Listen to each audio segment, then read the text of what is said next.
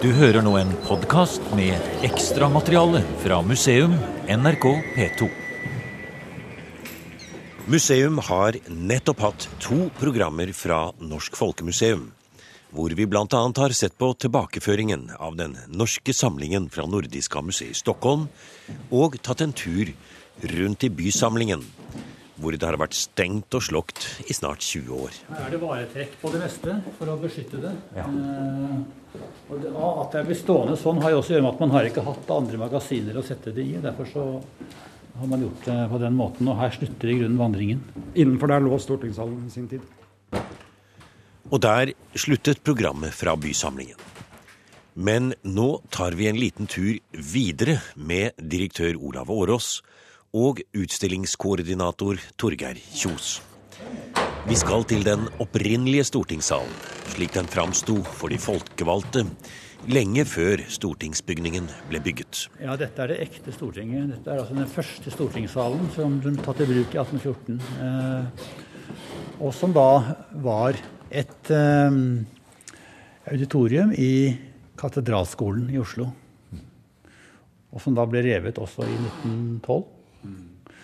Eh, og meget beleilig da kunne flyttes eh, hit til Folkemuseet, som har ivaretatt det senere. Ja, Den er jo flyttet noen ganger. Først da fra det opprinnelige stedet i Katedralskolen da, i sentrum.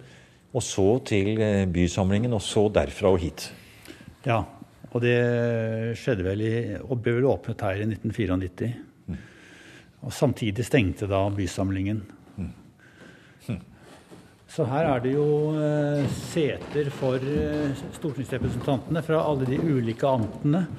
Eh, og det fremdeles så står det navn på og, og merkelapper på en del av disse som viser hvilken plassering de hadde, og den plasseringen vet man jo. Og, men, og det var jo en, en, en dramatisk tid, den første halvdelen av eh, 1800-tallet. Og det var mange store oppgjør i den salen her. Et eh, symboltungt rom i norsk moderne historie, dette her. Nå ser vel kanskje enkelt og spartansk ut i dag, men den gangen var det det mest gedigne og storslagne og faktisk eneste noenlunde representative forsamlingslokalet som eh, landet hadde. Så det er ikke tilfeldig at de flyttet inn hit av den grunn. Det var helt nytt. Resultatet av en ombygging tidlig på 1800-tallet. Og utformet av den vel da eneste virksomme akademiutdannede arkitekten som var i landet. Som het Stanley. Og som også antagelig Han er mer enn én finger borti Eidsvoll-bygningen. Det vi tenker på når vi ser for oss plenumssalen i Stortinget i dag, det er jo rødt og dragehoder og, og den type ting på stolen osv. Her er det helt andre farger og en helt annen eh, stil. Her går det i hvitt og grønt og litt ampir og sånn. Så vidt jeg har skjønt, så ble den salen malt delvis tilbake til 1814-farger da den ble flyttet hit i 1914.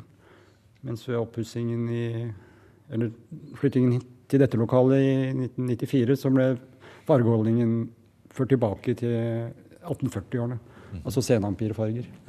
Her er det rette linjer, hvitt, grønt og, og noen få ranker, og ikke, en, ikke et eneste dragehode. Nei. Ikke noen norske løver heller, for den saks skyld. Nei, det er ikke det. Og kanskje da var det ikke det var ikke det som var utgangspunktet eh, for den skolen. For det var en skole og ikke en nasjonalforsamling den gangen. Men når, du, når vi snakker om hvor, hvor enkelt det er, eh, og at dette egentlig var det eneste representative lokalet som fantes i Kristiania, så sier jo det noe om hva slags by Kristiania var på den tiden da Karl Johan red inn hit eh, i 1814. Altså Det var en liten eh, by uten monumentalbygg, uten monumenter, uten slott, uten teatre eller eh, universiteter eller noen ting. Det kom jo- for selv om universitetet var, var etablert, men de hadde jo ikke fått disse berømte bygningene på mange år ennå. Nei, så de var jo ikke å se i landskapet.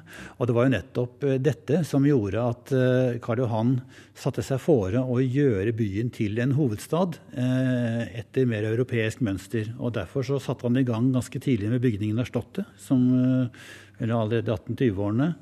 Eh, og derfor så grunnla han også den store folkeparken her ute på Bygdøy. For det skulle store hovedsteder eh, ha. Det var en, eh, et fattig og lite land som skulle omformes til eh, et moderne land. Så er vi jo i kjernen av empirtiden her, da, med sine antikke forbilder. Og en tankegang som jo passet svært godt til den gryende demokratiske og Nettopp. frihetstenkningen som 1814-generasjonen var preget av. Og man sitter i et amfi på relativt demokratisk vis, sånn som man gjorde f.eks. i senatet på Forum Romanum i Roma. Så der ligger jo noen symbolske koblinger som har passet godt med hverandre, på tross av den tilsynelatende spartanske innredningen. Du har nå hørt en podkast med ekstramateriale fra Museum NRK P2. Museum sendes i NRK P2 på lørdager klokken 16.03 og søndager klokken 08.03. Hvis du vil, kan du abonnere på Museum podkast i iTunes. Jeg vil gjerne ha dine synspunkter på programmet. Send kommentarer eller tips til museum.krøllalfa.nrk.no.